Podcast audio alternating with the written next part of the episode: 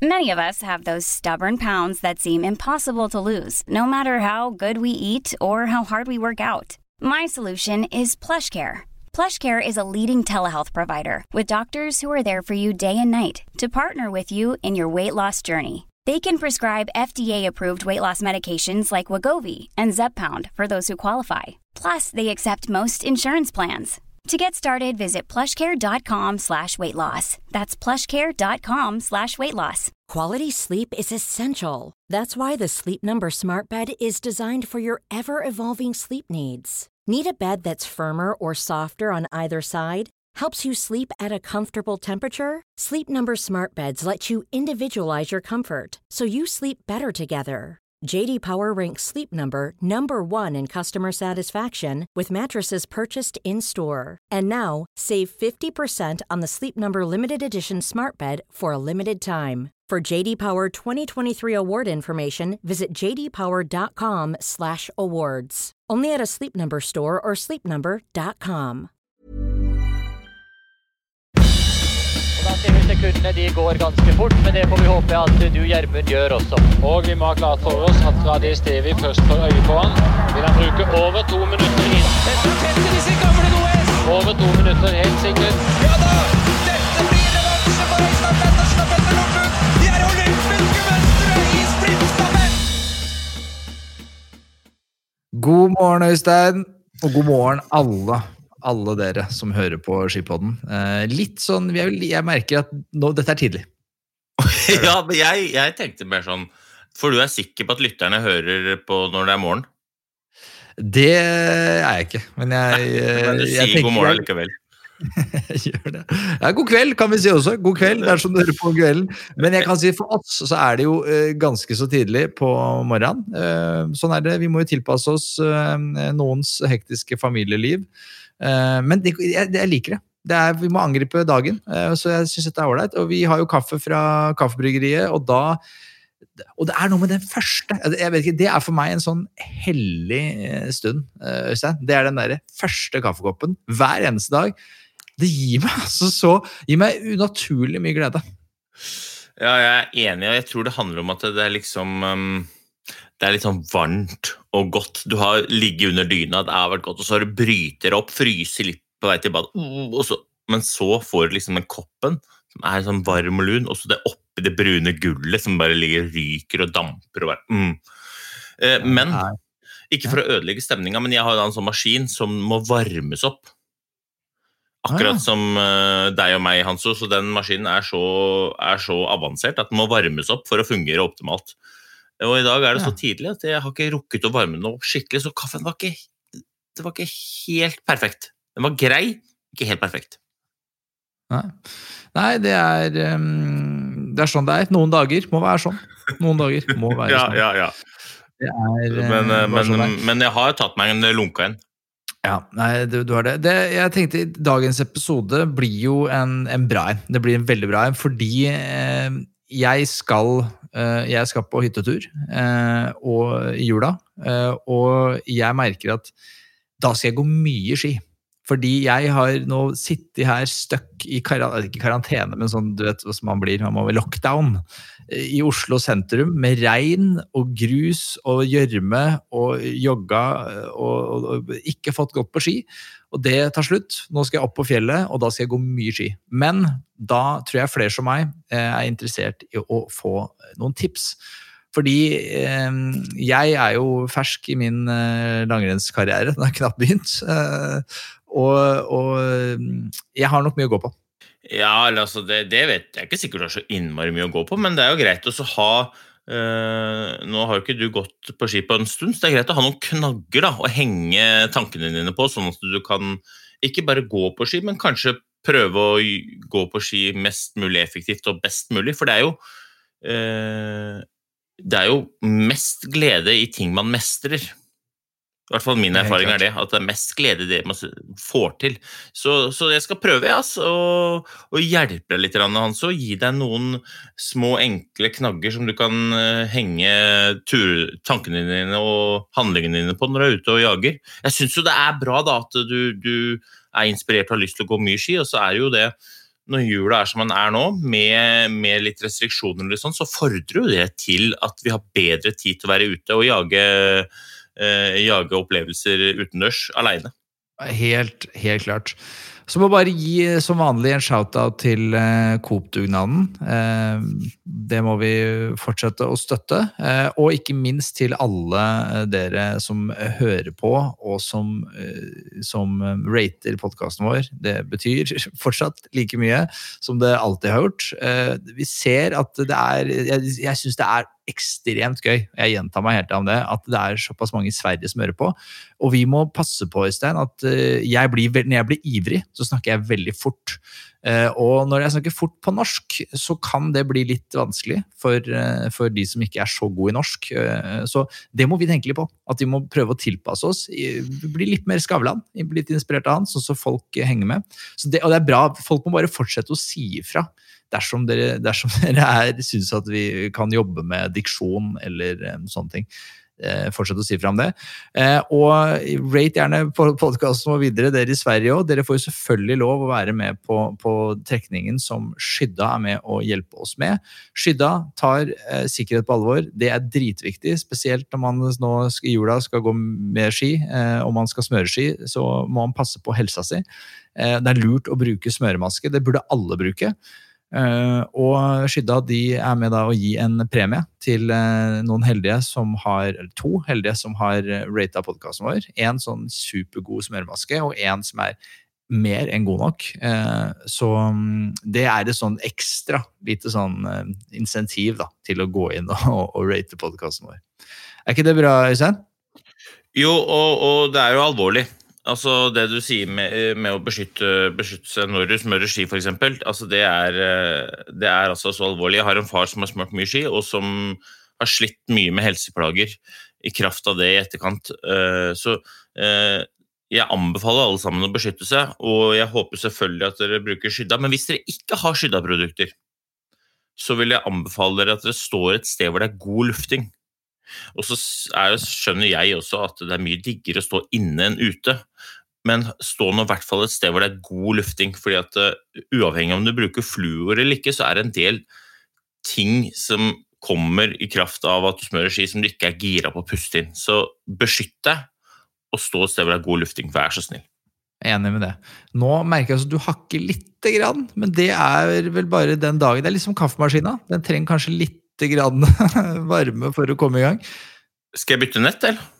Ja, hvis du kan bytte nett, så er jo det Der er internetten varma bedre opp, tror jeg. Eh, Nå ser jeg deg. Ja, krystallklart, krystallklart bilde. Det er veldig Ja, greit ja. å ha deg i HD.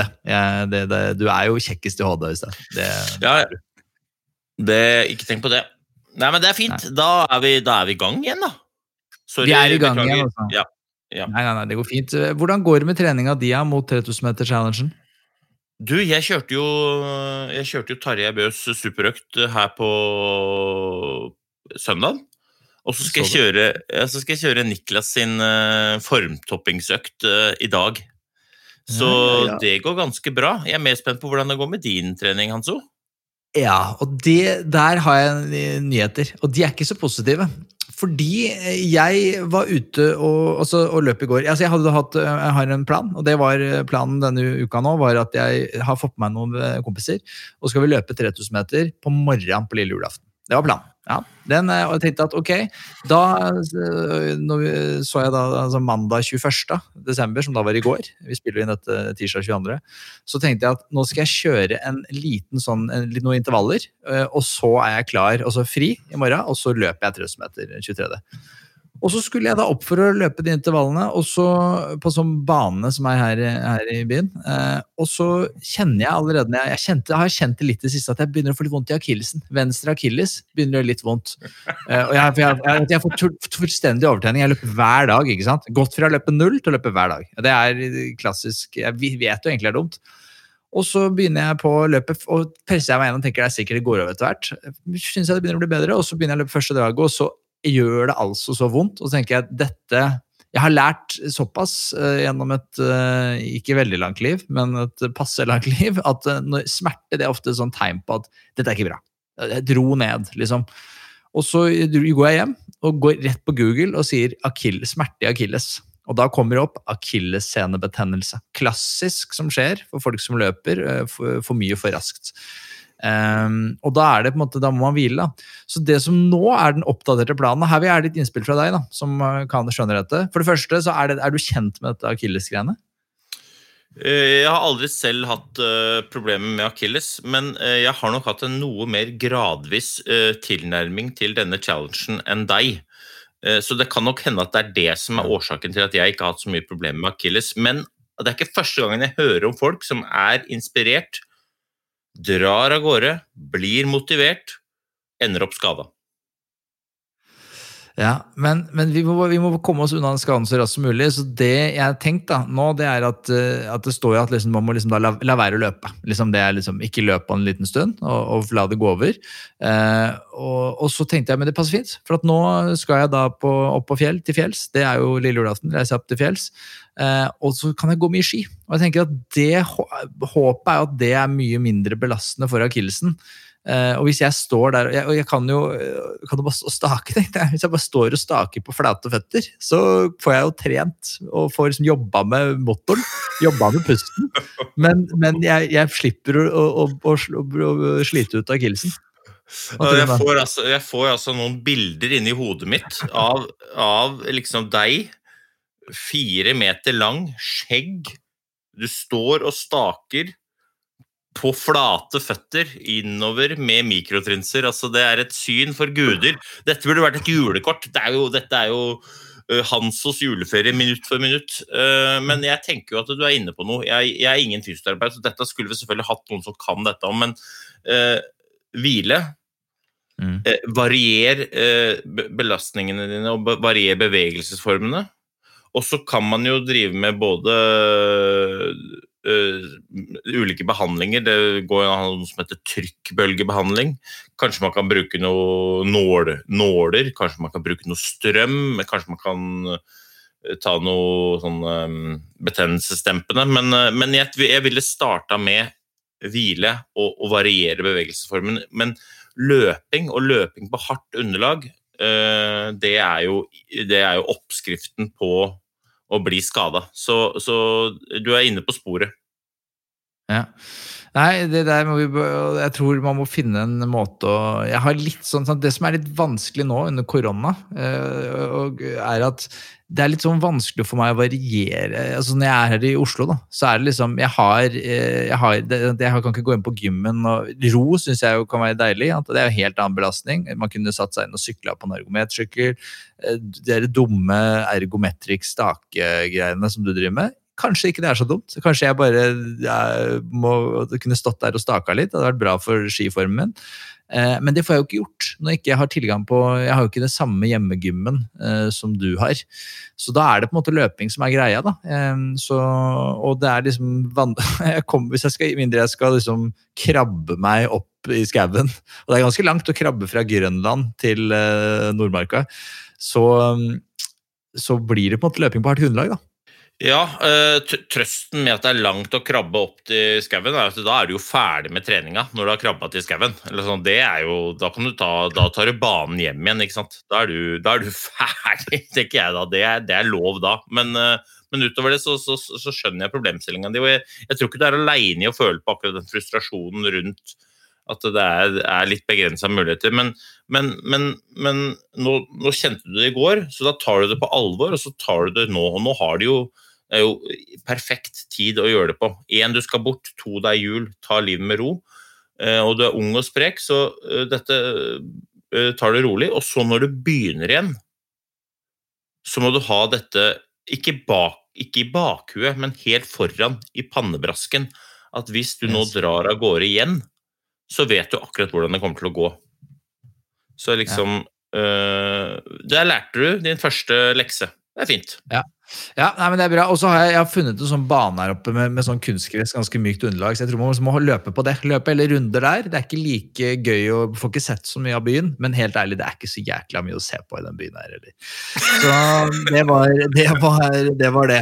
Ok, men vi, vi, nå kan vi liksom knekke i gang med skiteknikk. Det er jo det jeg har gleda meg til. Dette er, jeg har jo plaga deg med sånne ting før, Øystein. Jeg er jo så nysgjerrig, og, og det som jeg ga deg i en challenge i, i, i går, det var at eh, jeg har lyst på tre konkrete tips på hva jeg kan Altså ting jeg kan bare eh, ta i bruk eh, ganske umiddelbart. Og så vil jeg kjenne i de første mikrotrinsene går i snøen eh, når jeg er oppe på hytta på fjellet, så vil jeg merke at ah, her er det noen lys som bare som går opp for meg.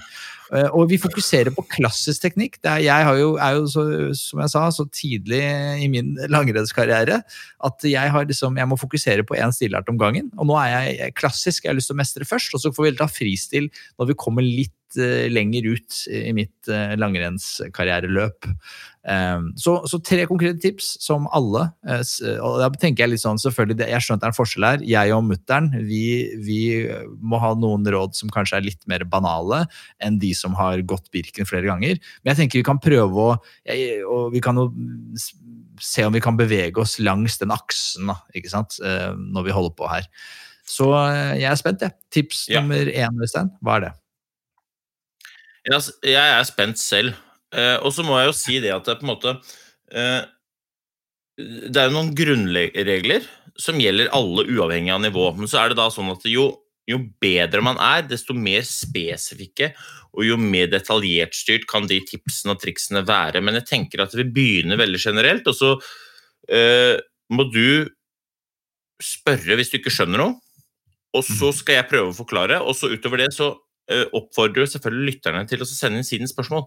Send inn spørsmål, eh, sånn at vi kan ta de opp og prøve å forklare de. Så det dere ikke skjønner, eller det dere ikke får til, eller det jeg ikke nevner, send spørsmål, så tar vi det opp. Gjør vi ikke det? Yes. Jo, det gjør vi. Det gjør vi. Ja. Men jeg, jeg, jeg, tenker at vi kan begynne med altså tar, Vi tar klassisk, men jeg tenker at vi begynner med en, en generell regel. En generell regel i langrenn. Og i an, all, nesten alle andre sport, så vidt jeg veit. Og det er at du må ha kroppen retta den veien du skal. Altså når du går langrenn og skal gå fremover, så må alle bevegelser og, og kroppen være orientert den veien du skal. Og det betyr okay. at du må tørre å lene deg framover, ikke sant? Og den største feilen som du både hører om og som eh, eh, mosjonister gjør, er at de har det som kalles for hofta bak. Det betyr at ja, eh, de vi, vi, kjører på. Du, vi vi, vi snakka altså om teknikk, og du mener vi skal i fartsretning. Eh, ja, Største problemet som folk gjør, ja, hva er det? Ja, altså, du må, du, ja, du, ja, største problemet som folk gjør, er jo at de har hofta bak. ikke sant? Og når du har hofta bak, da mm. er du per definisjon ikke ikke len framover. For det går ikke an å lene seg framover og ha hofta bak. Og hofta bak det er, sånn, det er et litt vanskelig begrep, men det betyr egentlig at du har den eh, kroppsposisjonen som du har rett før rumpa treffer doskåla. Ja, Når du setter deg ned på do, ja. den bevegelsen der Ja, du sitter. Og og når du sitter, og når du setter ned på do, så har du trykket bak i skoen. Da har du trykket på hæla. Så når du skal gå på ski, Hanso, så skal du hele tiden tenke på at du skal ha trykket foran i skoen. For når du har trykket foran i skoen, da er du på vei framover. Så du skal ikke ha trykket bak. Det er regel én. Generelt regel én. Ja. Trykket på tærne. Men, men, til det så, så, føler jeg at jeg har også hørt at uh, det å komme for mye frampå, det er dumt. At da mister du festet. Jeg husker En mann som Aksel Teichmann, som jeg, øh, man husker på tidlig 2000-tallet, gikk jo utrolig rett. Jeg føler ikke, altså Han var jo ikke så frampå, ja. han. Jeg føler han var liksom, øh, men det er kanskje det at han, han var frampå tuppa. altså han var Hoftene var framme, men han var ikke Mens Oddbjørn Hjelmeset, for eksempel, mye mer lå over. Lå liksom med liksom overkroppen, ja. følte jeg hang litt over. Men begge gikk jo utrolig fort på ski. Ja, da, Ja, og det er kjempebra spørsmål. Det Det er bedre spørsmål enn jeg tror du vet at det er. Fordi jeg sier at du skal ha kroppen orientert den veien du skal. Og så skal du ha trykket foran i skoen. Jeg vil at alle sammen står på gulvet eller står på skiene sine før de begynner å gå, og så bare står de rett opp og ned, og så lener de seg framover, og så kjenner de hvor de får trykk i skoen da, og så lener de seg bakover, og så kjenner de forskjellen. Sånn at du blir kjent med det. Og så er det sånn at jo brattere terrenget er, desto mer rett kan overkroppen være. Jo flatere terrenget er, desto mer kan du legge overkroppen på og, og på en måte bøye deg framover. Fordi at du Ja. skal den veien terrenget går. Så når du går oppover, så kan du reise overkroppen med fordel. Når eh, du skal rett framover, så kan du lene deg på. Når det går nedover, så sitter vi i hockey. Da har vi kroppen mest mulig den veien vi skal. Så du skal endre kropps, eller altså overkroppens uh, posisjon i forhold til terrenget.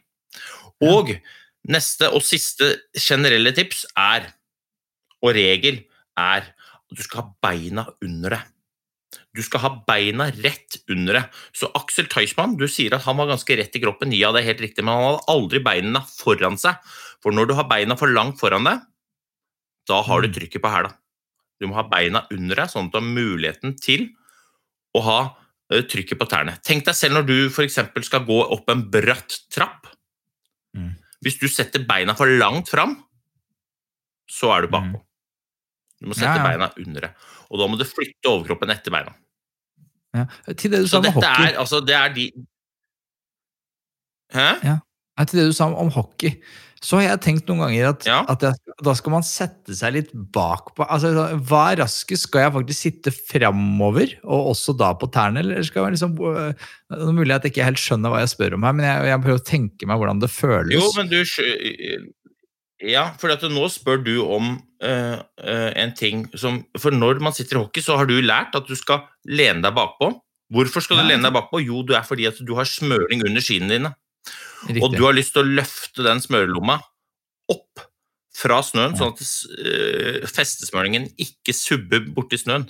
Så når du lener deg bakpå da, så løfter du smørelomma di, og så glir du. Men hvis du ser på en alpinist, ja. det, du vil aldri se en alpinist som prøver å ligge bakpå når han kjører utfor. De ligger frempå, og Kjetil André Aamodt sier at de, de beste folka det er de som har de mest aggressive vinklene gjennom hele løypa, og som er på en måte framme i skoa, og som har spisse vinkler i, i ankelen og spisse vinkler i knærne. og dundrer fremover. Så du må være frampå. Men når du kjører eh, utfor og har uh, festesmøring under skiene, så kan det lønne seg å løfte, uh, løfte tærne og sette trykket på hæla for å unngå subbing. Men i utgangspunktet så skal du være liksom frampå hele tiden. Ja, så, så i fristil, da, gitt at man, man da ikke har festsmøring, så er, hvor bevisst er langre, altså de eliteutøverne på det? At de legger seg bakpå eller prøver, tenker på smørlomma si klassisk, men de ligger frampå og, og prøver å dytte, få mest mulig gliflate i, i fristil? Veldig. Ja. Veldig. Det er klart. De har jo da ski som i utgangspunktet er laget og er eh, helt tilpassa deres vekt, sånn at det ikke subber. Men du Ja. finner ikke én utøver på høyt nivå som ikke setter seg og får mest mulig trykk på baksida for å unngå subbing fra fest, eh, festesonen i utforstilling. Enkelt og greit. Dette er altså så Og det har, det har veldig mye å si. Nei, det er ikke så veldig avansert, men det er jo veldig bra spørsmål. Jeg hadde ikke tenkt å ta det, men det er kjempebra spørsmål at du stiller det. Men vi kan gå til, vi kan gå til teknikktipsene, for nå, har vi fått, nå har vi fått til grunnreglene. Altså Det var Yes. len deg framover, ha beina under deg, og ha trykket foran i skoen. ikke sant? Mm. Det er jo de grunnreglene. Og det, og det, det gjelder er uansett. her. Hoftene må passe på å få fram. Skjønte jeg. Ja, ja, men det er så vanskelig arbeidsoppgave hofta fram. fordi at det er så, det er så liksom, Hva betyr det? Eh, eh, for, men, men hvis du har trykket foran i skoen, hvis du har trykket Ja. på tærne dine, Ja. så går det ikke an å ha hofta bak. Du klarer ikke å sitte bakpå og gå på tærne samtidig. Nei, ikke sant? Så derfor det er så, så drit litt i hofta og ha heller Jeg syns i hvert fall det. At det er drit i hofta, og så ha heller fokus på at du skal ha orientere kroppen fremover. Du skal ha trykket foran i skoen, og du skal ha beina under det. Ja. Da er det mye lettere å ha en god posisjon å jobbe med. Vil du begynne med staking, eller vil du begynne med diagonal, kjære Hanso? Eh, Jeg har lyst til å begynne med staking, jeg. Det tror jeg, det, for det er, jo, det er jo du rasende god på. Så det, staking. Det, og det, og der tror jeg jeg har veldig mye henta. For jeg, jeg tror at i og med at jeg er så lang, og så tror jeg jeg er ganske sterk i overkroppen relativt til eh, Det er på en måte en av mine styrker, altså relativt til meg selv. da. Så jeg tror der, kan jeg, der tror jeg er mye å, å, Der kan jeg bli rask. Ja, det er bra. Ok, ja, men Da tar vi staking først. Og eh, I staking så gjelder da grunnreglene. Ikke sant? Len deg Mhm. framover, ha beina under deg og trykke foran i skoen. Staking handler jo ikke så mye om styrke som det folk tror. Staking er jo et slags eh, eh, en dy veldig dynamisk teknikk som er helkroppsarbeid. Både armer, men også eh, føtter, og fall i kroppen. At eh, du ligger frempå, ikke sant? Mm. Nå skal du få tre enkle tips. Tips nummer én. Staking handler om å jobbe foran kroppen. Alt, alt du skal gjøre, skal skje foran kroppen. Den der gode, gamle stakinga hvor du bøyer overkroppen og drar ut taket, gjerne så langt ned mot bakken som overhodet mulig, og langt bak, den, den er ferdig for lengst. Okay. Staking foregår foran kroppen. Det betyr at du må avslutte stavtaket ditt når du kommer til beina. Ja. Ok, her må vi, her må vi ha mye spørsmål. Fordi jeg staker nok sånn som Anders Aukland staka i 2001. Da var det ned, og så gjerne under knærne. Der skulle, der skulle, da, da føler jeg, og nå er jeg bare, da føler jeg meg kul. Jeg ser litt rundt meg. Jeg tenker, folkens, føl, dette er en fyr som kan stake. Dette her, Ja. se. For det var da jeg så, da var jeg, det var på den tiden jeg gikk veldig mye ski og hadde lyst til å bli skiløper. Igjen. Så på Anders Haukeland, staka helt ned til leggene. Tenkte det kan gjøres. Så det, det, det, det er slutt. Ja, eller det er ikke slutt, men, eh, men det er ikke det mest effektive. Så prøv også å ha kroppen mer stabilt eh, fremover. Mindre bevegelse i selve kroppen. Og avslutt stavtaket høyere. Men så er det sånn at jo høyere fart det er, desto lengre kan takene være. Akkurat som på sykkel, så girer du jo tyngre gir når, det er, um, når høy, farta er høy, for å få tid til å skape kraft. Så hvis, sånn er det i staking også. Så hvis det er veldig høy fart, så kan du godt kjøre Anders Aukland-stilen med, med lange tak og litt dype tak, men staking har jo blitt en teknikk vi bruker oppover også. Og da har du ikke Mm. tid til å gå så dypt og så langt ned, for da vil du stoppe mellom hvert tak, så da må du avslutte taket tidligere. Så Mm. staking handler om å jobbe foran kroppen, for det er der hvor du er sterk. Så skal du få tips nummer to. Tips nummer to er at du skal ikke tenke at du skal stake med, med triceps gjennom å så eh, dra og rette ut armene veldig tidlig. Stavtaket starter med 90 grader i albueleddet, og så Mhm. skal du dra albuen ned mot knærne. Ja. Albu møter kne, sånn at du, du drar og strekker ikke ut armene før kanskje helt på slutten av stavtaket, for du er innmari mye sterkere i mage, bryst, lats enn du er i triceps hvis du, som du bruker hvis du strekker ut armene. Jeg ser veldig mange mosjonister er altfor ivrige med å strekke ut armene. Vent Mm. med å strekke armene til du har fått tatt ut eh, bevegelsen i underarmen og foran kroppen. Så for å få til dette, så er tips nummer to å få albuene dine fram. Når du skal stake, ja. så skal du søke albuene dine fram. Ikke armene frem, men albuene frem. Så kan også et, eh, knytte på et lite tips der, kan godt prøve å ha staven liggende langs underarmen din. Sånn at du har 90 grader i albuen, Ja. og så får du albuen din fram, og så ligger staven langs underarmen. Da har du en perfekt, et perfekt utgangspunkt for å så bruke underarmen eller armene dine best mulig, og så kan eksplosjonen komme i triceps på slutten av stavtaket. Skjønte Skjønte du det?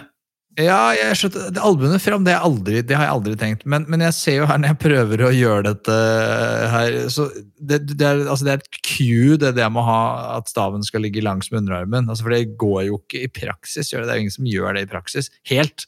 Det skal Jo. ligge så nært underarmen Jo. som mulig. Jo. Liksom.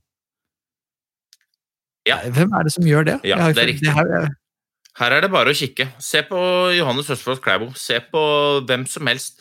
De har all, staven veldig tett inntil underarmen og albuene veldig langt fram. Og da får, du, da får du rom mellom albuen og hofta di. Du får rom mellom albuen og brystet og magen, sånn at du kan uh, få en bevegelse der. Det folk gjør, er at de strekker fram armene for å starte et stavtak, og der er du veldig svak i forhold til hvis du har 90 grader i eh, albueleddet og kan dra på. Ja, ja, ja. Den albuen frem, da. Ja, den er, den er gøy. Du må ha albuen frem, for at da, når du da tar fram armene og tar albuene dine frem, så vil du òg flytte kroppen din framover. For du skal framover. Mm. Så du skal jobbe foran kroppen, og du skal ha albuene dine frem. Hvis du tar albuene dine frem, så vil du sikre at idet staven går i bakken, så har du en ganske sterk posisjon. Og der er det noe du og jeg og resten ønsker, så er det å være sterke. Gjerne med mikrotrinser. Voldsom kraft. Boom! Rett ned. Ikke ha strake armer, ikke sant? for det blir veldig tøft. Ja. Ja. Ok, så fram med, Tips fram nummer tre. Mm. Ja, fram med albuen. Tips nummer tre på staking.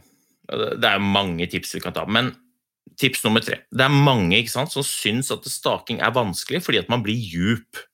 Og de, de blir djupe fordi De sitter mener bak du- Hva mener du med djup?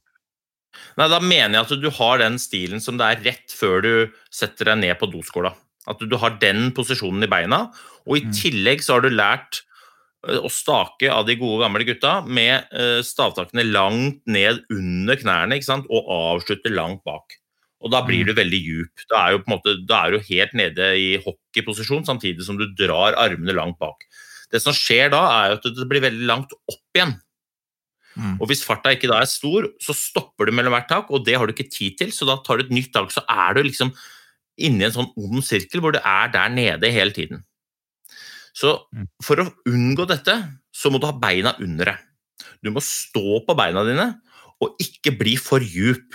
Ikke, ikke, s- ikke sett deg ned på do, men stå på beina dine. Så tips nummer tre er jo så enkelt som at det er bedre å ha rette bein når du staker, enn å bøye de.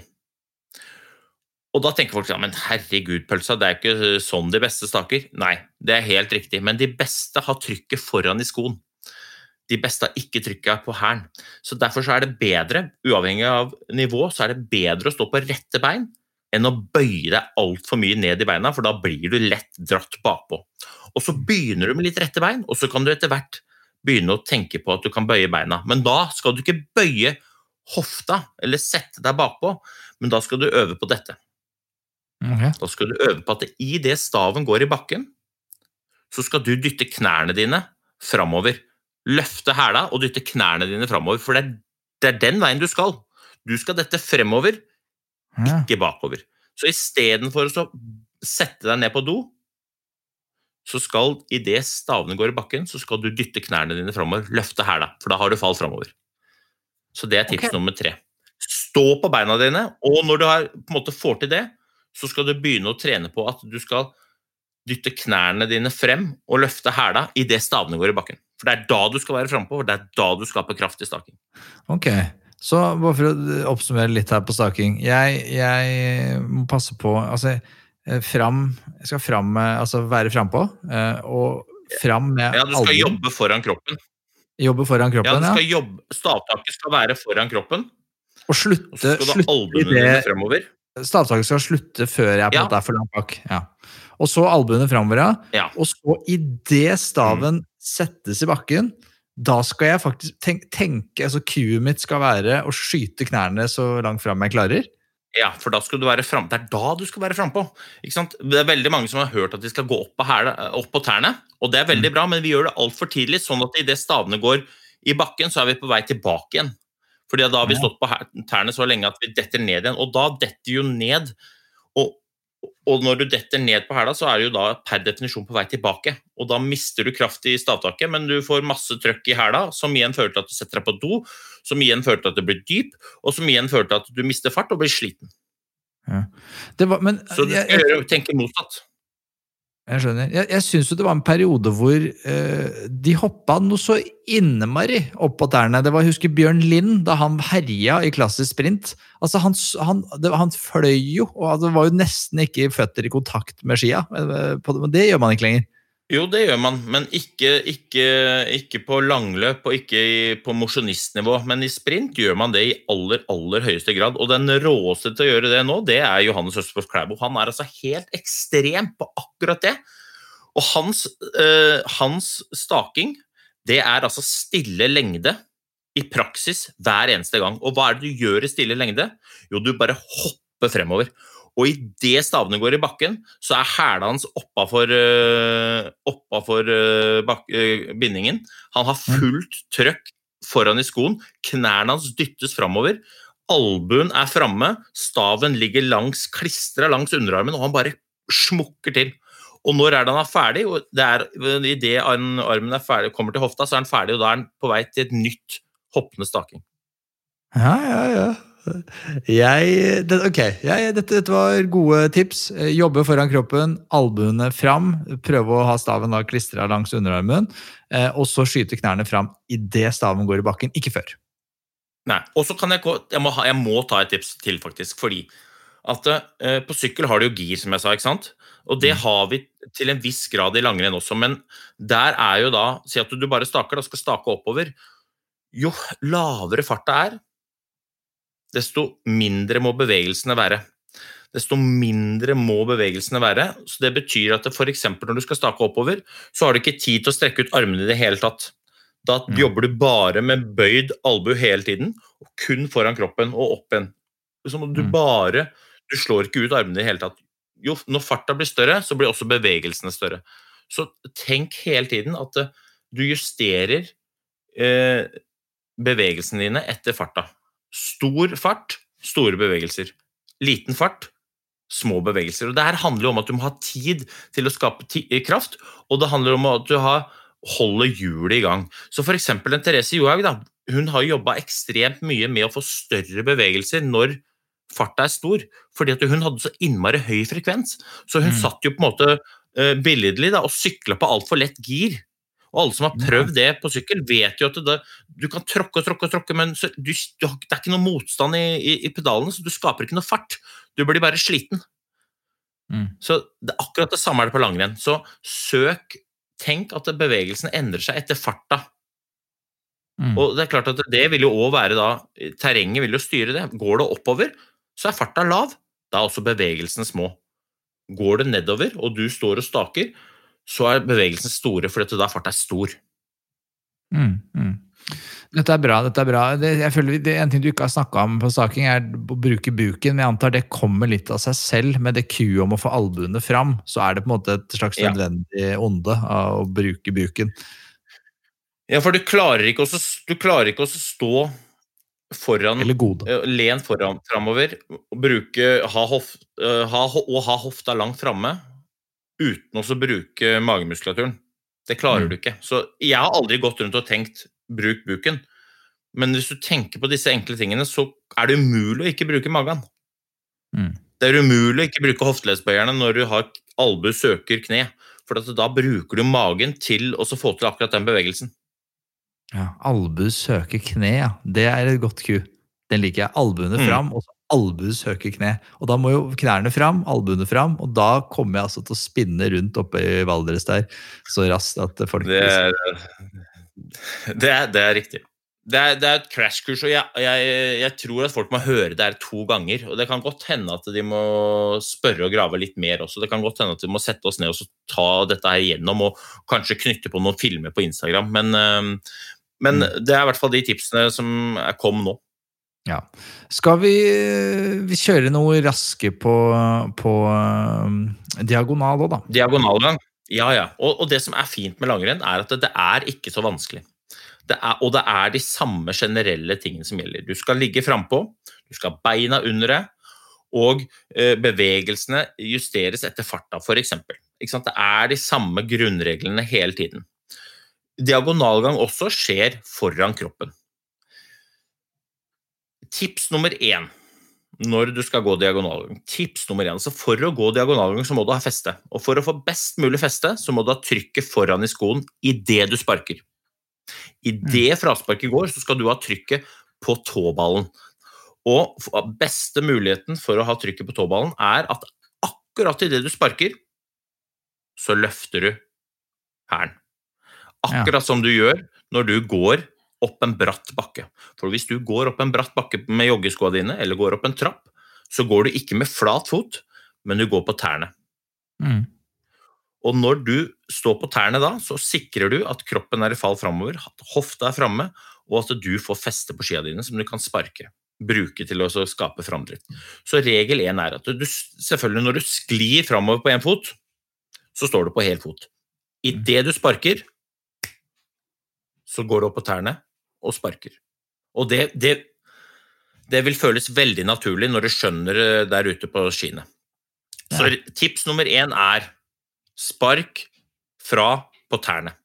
Spark fra på tåballen, for da, er du, da sikrer du at du har den posisjonen du skal ha. Ja, og ekstremen her er jo vel Klæbo-klyvet, hvor han rett og slett bare tipper på tærne. Det er vel det som er konseptet her. Ja. Ja, og hvis du ser på Klæbo-klyvet, når er det han bruker det? Jo, det er når han ikke har glifase i det hele tatt. Da er han bare på tærne, fordi at han fester skia med en gang. Og når du fester skia, så står jo skia per definisjon helt stille. Ja. Ikke sant? Så da bare løper han på tærne, akkurat som du gjør når du løper opp en bakke. Og hvis du løper opp en bratt bakke, så er du aldri nede med hele foten. Da løper du kun på tærne. Det er akkurat det Klæbo gjør. Mens hvis du går diagonalgang og sklir av gårde, en god gammeldags hjemlesett der, han står jo på hel fot mens han sklir. Idet han sparker fra, så er han på tærne. Mm. Vil du Så det er helt riktig. Vil du anbefale, altså, Mutter'n skal ut og gå. ikke sant? Vil du si at eh, vet du hva, den der gamle stilen den, er, den kommer til å dø, så det er Klæbo-klyvet som gjelder nå, så du må begynne å løpe på tærne i bakkene, eller gå på tærne i bakkene? Eller tenker du at det er mer for elite-eliteutøvere? Med fare for å generalisere din mor og putte henne i en bås, så ville jeg sagt eh, klæ, se på Klæbo og kos deg med det, og så går du sånn som du pleier å gjøre. Men for å få best mulig feste når det er uh, motbakke, så sørg for at du har trykket foran i skoen når du sparker. Ja. Så enkelt og greit, ja. Men nå skal jeg ta tips nummer to. Mm. Fordi du skal være på tærne når du sparker, men så her kommer et kjempetips. Du skal sparke rett bakover, i sporet bakover. Det er veldig mange som har hørt at de skal ha tyngdeoverføring, og da tenker de at de må svinge veldig på hofta fra side til side. Og det fører ofte til at frasparket da går bakover og så ut til siden. Spark rett bakover. Følg sporet. Følg sporet bakover. Ha beina under deg, ha trykket foran på skoen og spark rett bakover, for du skal rett framover. Så du trenger ikke å svinge på hofta for å ha 100% tyngdeoverføring, Mm. men du må stå på én og én fot og sparke rett bakover. Mm. Så du må ha 100% tyngdeoverføring, men det betyr ikke at du må svinge på hofta. Det betyr Hvis du står rett opp og ned og løfter den ene foten, så har du jo 100% tyngdeoverføring på den foten du står på. Mm. Sånn Ja. er det på ski også. Så du trenger ikke å liksom gjøre så mye med hofta. Du skal være mest mulig stabil du, i fremover, fremoverlent. Nei, jeg, jeg, jeg bare prøver å tenke hva er det jeg driver med selv. Jeg føler at disse første rådene her føler jeg at her, her føler jeg leverer. altså, jeg føler at På staking tenker jeg sånn her, her Dette er, dette er, å, det er ny verden. Det med albuene Jeg har bare ikke, aldri tenkt det kuet. Jeg føler på en måte, når jeg bare prøver å tenke hvordan jeg går, at jeg, at jeg er ganske liksom God blir hardt å melde, men at jeg i hvert fall følger disse cuesa allerede. Ja, men det er bra. Ja, og det er, og det er ikke så vanskelig. Det bare blir gjort litt vanskelig. Så, for det snakkes jo om hofter, det snakkes om tyngdeoverføring, og det er klart Dette er ekstremt viktige ting, men gjør det så enkelt som overhodet mulig. Mm. Så ha, ha 100% tyngde på den foten du skal sparke fra, selvfølgelig. Men det betyr ikke at du trenger å gjøre så mye mer enn å ha den andre foten i lufta. Spark rett bakover, ha trykket foran i skoen, og så drar du av gårde. Sånn at du ikke gjør det noe vanskeligere enn det er. Så skal du få tips nummer tre. Ja. For for å få gode fraspark, for å få go god framdrift, så må du ha kontakt med underlaget. For det er, det jo snø, skia som må ned i snøen når du sparker, for at du skal få feste og for at du skal få fremdrift på dette her. Mm. Og det kan løses gjennom det Mikael Gunnulfsen sa han hadde jobba mye med. Han sa han hadde jobba mye med lave skuldre og lav pendel, lav fremoverføring, når eh, han tar stavene sine frem. For hvis du har lave, avslappa skuldre, så sørger det for at du ikke, du, du unngår den der listestilen. Jeg vet ikke om du kjenner deg igjen i det, men hvis du har litt sånn dårlig feste, så ender du opp istedenfor å sørge for at du har mest mulig trykk ned mot underlaget, så begynner du å liste deg på skia. Ja, Du begynner å prøve liksom, å gå litt sånn lett, og da får du ofte glipptak. Så du skal ha lave, lave skuldre idet armbevegelsen går fram og tilbake. Så på en måte armpendelen, den, den antar jeg at eh, lytterne vet hvordan den ser ut, men hvis ikke du vet det, så, så prøv å stå foran speilet og ta liksom armene frem og tilbake. da.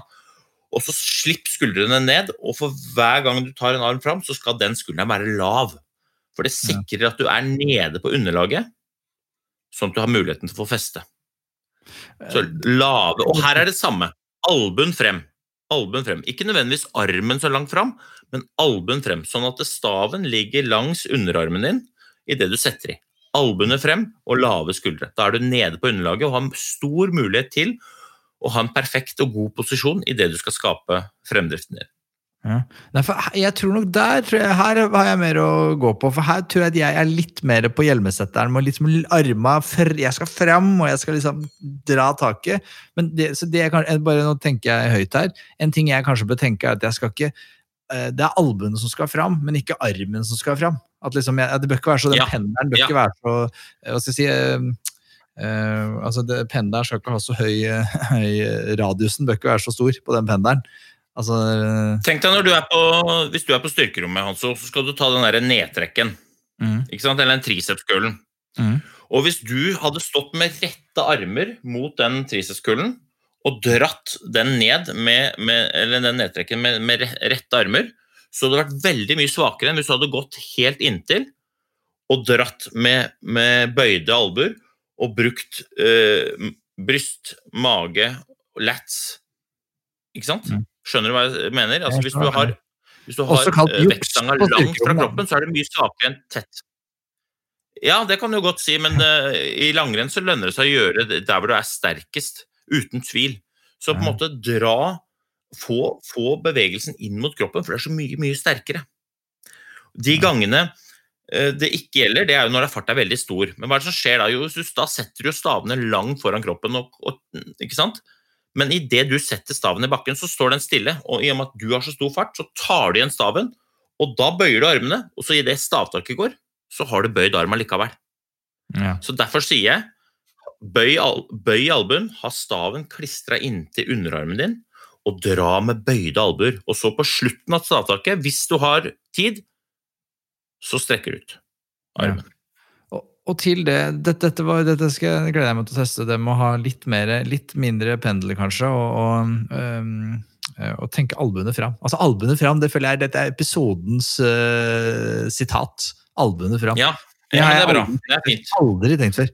Men så tenkte jeg på det når du sier det her med fart og sånn, for jeg, det har jeg tenkt eller jobba med og drevet med mye, for jeg syns det er gøy. da, Spesielt etter at stakebølgen har kommet. Så, så jeg staker mye mer. Altså jeg, jeg prøver å stake mye mer. Jeg tenker sånn, her er det flatt, da, da er det staking, da.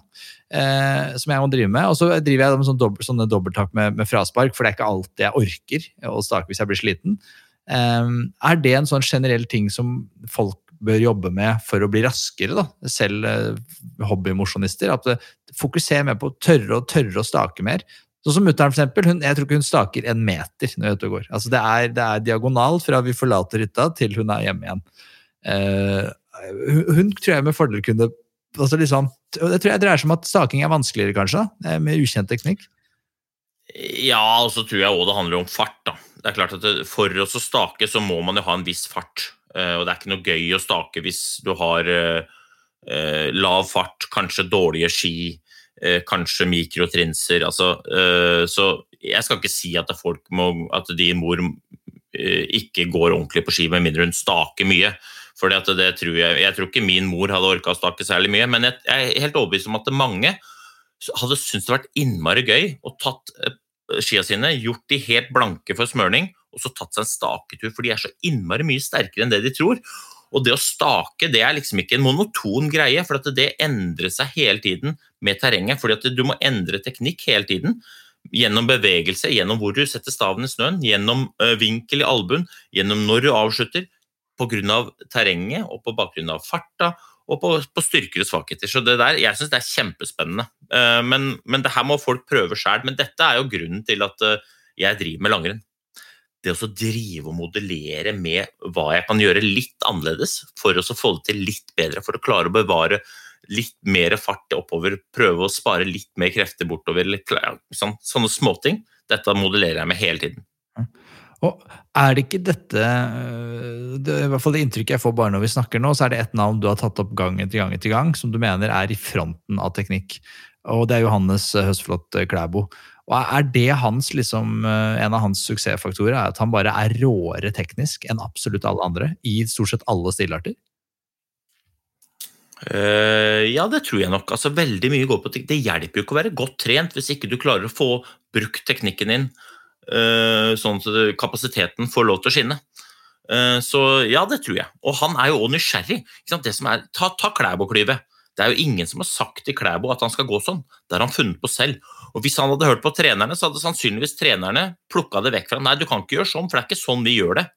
Mm. Dette er leiking. ikke sant? Jeg, jeg, jeg liker jo den nysgjerrige utøveren som er som tør å drive med utvikling, og som tør å gjøre noe som andre ikke gjør. Og når Klæbo holdt på med det han gjorde, så var det annerledes. Han drev med utvikling, men vi andre vi opplevde det som endring. Nå løper alle som Klæbo. Mm. Men det er han som utvikla det. Vi andre bare reagerte på det Klæbo holdt på med. Og så kommer det en ny en. Nå kommer Bolsjunov. Se på Bolsjunov, hvor stabil han er i kroppen. Enten det er skøyting eller klassisk. Altså, det er helt ekstremt å se hvor stabile de er. Altså, der er det ikke snakk om å ligge bakpå og ha hofta bak og ha trykk i hælen. Altså, der er det snakk om å bare klaske til med albuen langt framme. Kroppen står omtrent Bare ligger framover. Nesten ikke bevegelse i overkroppen, og han bare drar av gårde. For meg er det kunst. Hva er det som skiller eh, vil du si, de moderne dagens langrennsløpere med de man hadde på eh, slutten av 90-tallet og til 2000-tallet? Eh, sånn, er, er det det at de er mer frampå? Satt man mer bakpå før? Er det styrke? Er det, er det, det at det er mer styrke som har blitt introdusert? Det har blitt viktig, et viktigere element der man kanskje før var mer O2 og kapasitet? Altså, det er mye som har endra seg. Løyper, øh, teknikk, utstyr Det er mange ting. Men hvis jeg skal si én ting, så vil jeg si at det er på en måte øh, at det er veldig mye mer kontant. Alt som mm. skjer nå, er veldig mye mer kontant enn det var. Og jo lenger bak du går, desto mindre kontant er det. da. Fordi at øh, men, det, men, det, er sikkert mye med både utstyr og teknikk og sånne ting. Men det som skjer nå, er veldig sånn veldig aggressivt veldig akselerert og veldig kontant.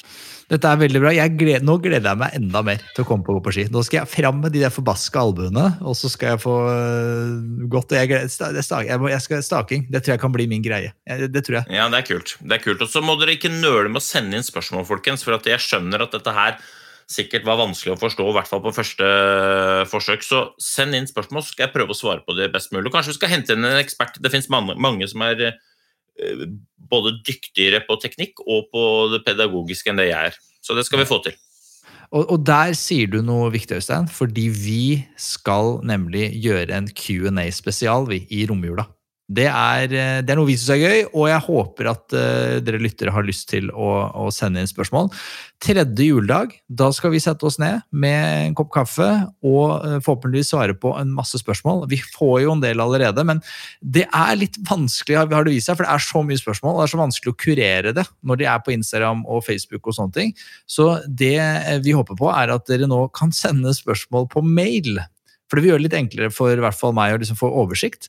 Så hvis dere sender til post at skipodden.com, altså post at skipodden.com, så får både jeg og Øystein de spørsmålene.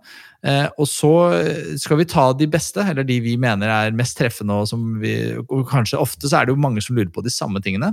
Så skal, vi, eh, skal Øystein eh, svare på de eh, tredje juledag. Eh, og de beste spørsmålene Øystein, de har vi fått beskjed av Bård i Kaffebryggeriet at vi kan sende eh, kaffe til. Så, og, og, det har vi sagt mange ganger, vi har ikke søkt noe ennå, så det kommer til å bli sendt mye kaffe tredje juledag. Så um, jeg anbefaler alle som har ting de lurer på. Det kan være teknikk, det kan være hva som helst. Det kan være hva tenkte Øystein på eh, da han eh, sto på startstreken i OL i 2010. Altså hva, alle mulige ting. Uh, ingenting er for dumt, og det vet dere jo. Jeg har jo spørsmål som er dummere uansett. Så bare fyr de løs. Så, men det må sendes inn da, altså innen tredje juledag, så vi har det på tredje juledag. Ok, vi kjører vel limerick, vi.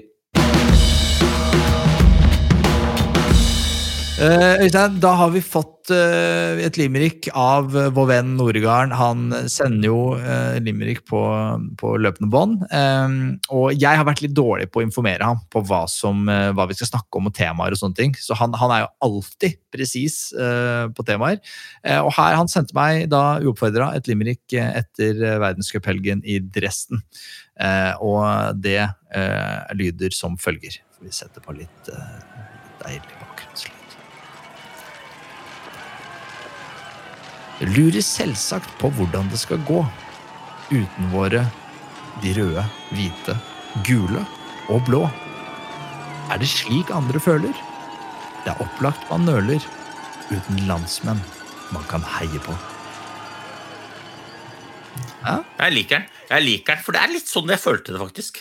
Er Det var det, altså. Ja, jeg stilte vel spørsmålet hva er det sånn er det, er det sånn at vi syns ikke det er så gøy. Eh, fordi at nå er ingen av våre med, men nå syns de andre det er kjempegøy fordi at eh, nå er de med. Ja, vi må håpe det, Birger. Vi må håpe det. At det sitter folk i Frankrike og USA og så videre og følger med. Jeg er redd for at de ikke gjør det, men um, vi må håpe det. Vi håper det. vi håper det. Jeg syns den var fin. jeg synes den var fin. Så skal vi spille den opp neste gang på øh, da, er jo, da går det direkte Da er det Q&A-limerick, Noregarn. Noregarden. Så da må du lage en Q&A. Yes, Det er ikke så lett å finne noe på, men det, det, det klarer jeg. Det er jeg sikker på. Da er det tid for et av, eh, en av episodens aller eh, største høydepunkter. Eh, Sånn er det med denne podkasten. Folk gleder seg til Øysteins corner. Øystein, hva er det eh, du eh, har på hjertet i dag? Ja, altså i dag så er det jo da um, kommet inn et spørsmål som jeg får veldig mye spørsmål uh, om. Uh, og dette er da uh, rundt en skibinding. Rottefella har laget en skibinding som heter Move. Ja. Og nå skal jeg bare si til alle sammen at jeg har et samarbeid med Rottefella. Så dette blir jo i så måte veldig bra levert eh, fra min side når det gjelder denne bindingen. Men, eh, men, men eh, dette her er jo litt eh, Det henger veldig med, sammen med det vi snakka om i stad, faktisk. For denne bindingen, hva er det som er spesielt med denne bindingen? Jo, det er en binding hvor du kan, mens du har skiene dine på, så kan du flytte bindingen frem og tilbake på skia. Ja. Og dette er jo en binding som jeg bruker på alle økter. Klassisk, skøyting og staking. Jeg bruker den hele tiden. Og hva er det den gjør? For den er jo Veldig mange tenker at det er en binding som er laget for, eh, for, eh, for klassisk. Så det er der spørsmålet er.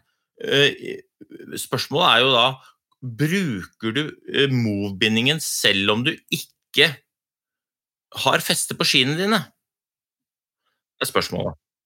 Og da svarer jeg utelukkende ja. Og da er da liksom underliggende her er jo da hvorfor gjør du det? Jo, nå skal jeg fortelle. Den bindingen flytter bindingen eh, fram og tilbake på skia, ikke sant? Ja. Det som skjer da, er at du Du sa jo til meg i tidligere episoden når jeg kjører nedover, så løft, setter jeg meg bakpå for å løfte smørelomma, ikke sant? Du sitter Ja. i hockey, og så løfter du øh, setter du trykket bakpå for å løfte smørelomma, så du ikke skal få sub.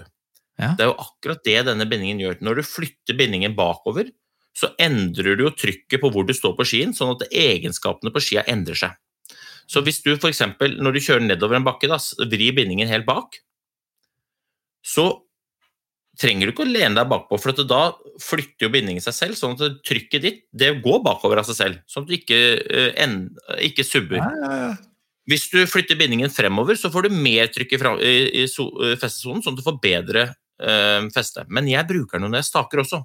Hvorfor? Jo, fordi at eh, hvis jeg skal stake oppover, så er jeg interessert i en ski som er lett oppover.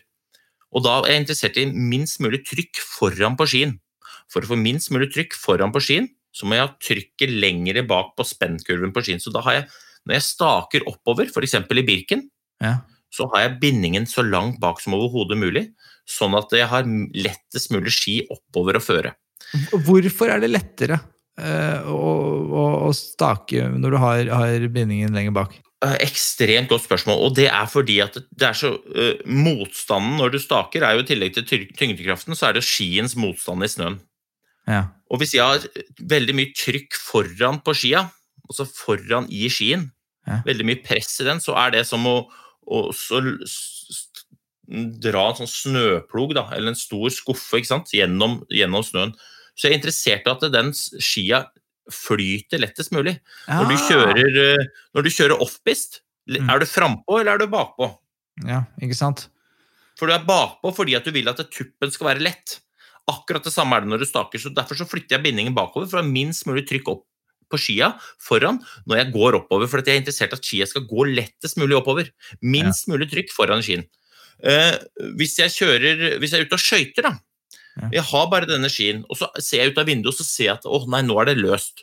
Da vil jeg ha minst mulig trykk foran skien, sånn at skien flyter oppå løssnøen. Mm. Hvis jeg kikker ut også, nei, dæven, nå er det isete. Da er jeg interessert i det motsatte. Da er jeg interessert i å ha mest mulig trykk foran på skien for å få best mulig grep i snøen. Så da vrir jeg bindingen helt frem. Okay. Så, okay. så denne rottefella move-bindingen, det er en binding som du kan bruke uansett nivå, og som du kan bruke uansett om du går klassisk skøyting eller staker. Og det den gjør, er å justere skias egenskap etter dagens føre. Ja, jeg, har noen flere spørsmål her. Er det, for dette høres ut som en kjempe, altså potensielt en kjempeinnovasjon. Altså, Bruker man denne mobendingen i verdenscupsirkuset? Og, og et annet spørsmål her er også kan, kan du, hvor lett er det å gjøre dette underveis? Jeg tenker sånn, Det å justere bindingen det høres ut som noe du gjør før du starter. Står du i løypa og så bøyer du deg ned og begynner å vri på bindingen? Nå er, du altså, nå er du så god som du vet. Du vet ikke. Nå skal jeg, jeg skal si det veldig kort. Eh, hvis jeg skal svare på verdenscupen Nei, den brukes ikke i verdenscupen. Hvorfor? Mm. Fordi løypene forandrer seg så innmari mye. Det er så korte bakker, det er så mange svinger, det er så mange nedoverbakker at du vil ikke rekke å justere bindingen underveis. Men i, før start på alle, så, alle renn så justerer løperne bindingen etter løypas gjennomsnittlig karakter. Så hvis det er løst, så har de fleste bindingen litt bak i skøyting for å ha en lettest mulig tupp gjennom hele løpet. Hvis det er eh, isete, så har de eh, bindingen fremme. og Så er det litt uavhengig av hva slags skimerke man går, for de har litt ulike egenskaper. Men alle flytter bindingen til den optimale posisjonen som den dagen og det føret og den skia de har, krever. Spørsmål to gjør jeg det underveis når jeg går langløp. For når du går langløp eller når jeg trener, så er jeg ofte i mer monotone terreng. Altså I Birken er det en time motbakke i starten. Det er ikke så innmari mange teknikkskifter. Så der eh, justerer jeg underveis. Og eh, Rottefella har nå kommet med en, en binding som heter Race, som gjør det enda enklere. For det er bare med en hendel som du flytter bindingen bakover. Tilbake med, og Du vipper bare en hendel. Så det gjør jeg idet jeg setter meg i hockey. Så Jeg bruker ett sekund på det. Den andre er sånn, et hjul som du vrir på, og den er litt vanskelig å gjøre mens du går, men jeg har gjort det også. Og jeg har brukt dette i alle skiturer og alle skirenn de siste to åra. Men den jeg, altså, øh, tror du at det, dette er på en måte noe vi, kommer til å se i verdenscupsirkuset, gitt at det er så lenge siden den hendelen? Jeg ser ingen grunn til at det skal være altså, du, du står jo hockey noen ganger i, når du går uh, i de løypene i verdenscupen òg, så bare flikker du den uh, til, uh, til den posisjonen som er optimal. Men jeg skjønte ikke bare, bare det var et annet spørsmål som du kan for du sier du har bindingen bak når du går Birken for å gå oppover fra lett og mulig tupp. Jeg ser jo ikke at du vil ha noe tyngre tupp når du skal gå nedover. Nei, det kommer litt an på hvis det er isete føre, f.eks. Ja. Eller hvis det er veldig fuktig i snøen, så er du interessert i å kanskje ha skia mest mulig balansert. Og med det så mener jeg at da vil du ha trykket rett over eh, nullpunktet på skia, altså der, balansepunktet på skia, sånn at eh, du vil kunne på en måte utnytte skias eh, egenskaper nedover best mulig gjennom å ha en mest mulig stabil ski. For skia blir litt mer ustabil når du har den bak enn når du har den i, i midten. Men det gjør òg at den er lettere å gå på. Så, så det her varierer litt, men det er jo, dette er jo da kjempespennende å kunne på en måte modellere den. For istedenfor å ha mange forskjellige ski til ulike førerne, så kan man heller kjøpe den bindingen, og så kan man justere skia sine etter dagens føre mest mulig. Ja, ja, ja. Hvis det var svar på spørsmålet ditt, så, så, så jeg varierer veldig. Vasaloppet, eksempel, i år, Mm. eh, det, det var altså så varierende føre, og da varierte jeg hvor jeg hadde trykket på bindingen i forhold til hvor mye snø som lå i sporet, og, og hva slags type snø det var. Og det mener jeg helt alvorlig var en fordel. Jeg var ikke spesielt godt forberedt til det rennet, men jeg leda det i nesten sju mil. Mm. Mm. Ja, er- Og jeg hadde ikke klart å gjøre det uten å bruke den bindingen. Så jeg bruker den hele tiden, og den bindingen den passer, passer alle ski. Så det spiller ikke noen rolle hva slags ski du har, bare ta med skia di til butikken, så, så hjelper de deg. Eh, grunnen til at du ikke ser det så veldig mye i verdenscup, er at eh, Rossignol, Fischer, Salomon eh, og de andre merkene har sine egne bindinger. Ja, så de gidder ikke å ha Så, så Klæbo får ikke lov til å bruke denne bindingen. Fordi at han går på bindingssystemet til Fisher som heter Tonamic. Men du kan justere bindingen der også, men da må du ta av deg skia og så justere bindingen. Så det er det som er genialt med rottefella sin. Men det er ikke noe problem hvis du stå, har ski med Tornamic-binding og, og flytter bindingen. Og jeg vil jo anbefale alle sammen å leke litt med det, uavhengig av hva slags binding du bruker. Dette er bra. Outrolåta begynner å gå, Øystein. Det er en fryd. Vi er på bitte lille julaften nå. Eh, I morgen episoden kommer ut, er lille julaften. Hva, hvordan blir jula uh, i år? Skal den bli god?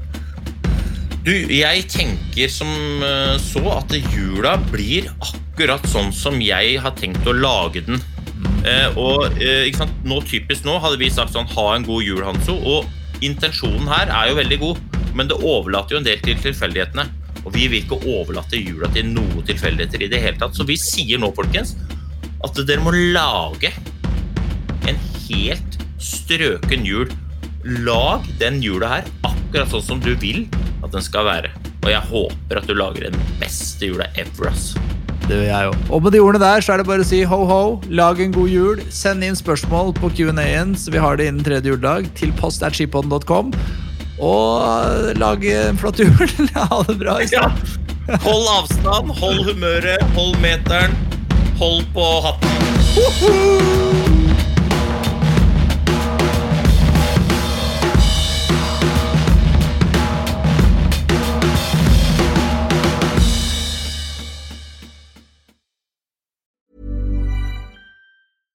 Hey, it's Paige DeSorbo from Giggly Squad. High quality fashion without the price tag. Say hello to Quince.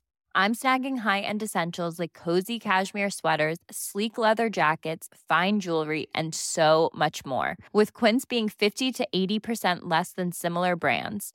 And they partner with factories that prioritize safe, ethical, and responsible manufacturing. I love that. Luxury quality within reach. Go to quince.com slash style to get free shipping and 365 day returns on your next order. Quince.com slash style. Imagine the softest sheets you've ever felt. Now imagine them getting even softer over time. That's what you'll feel with Bowl and Branch's organic cotton sheets. In a recent customer survey, 96% replied that Bowl and Branch sheets get softer with every wash. Start getting your best night's sleep in these sheets that get softer and softer for years to come. Try their sheets with a 30-night guarantee. Plus, get 15% off your first order at bowlandbranch.com. Code BUTTERY. Exclusions apply. See site for details.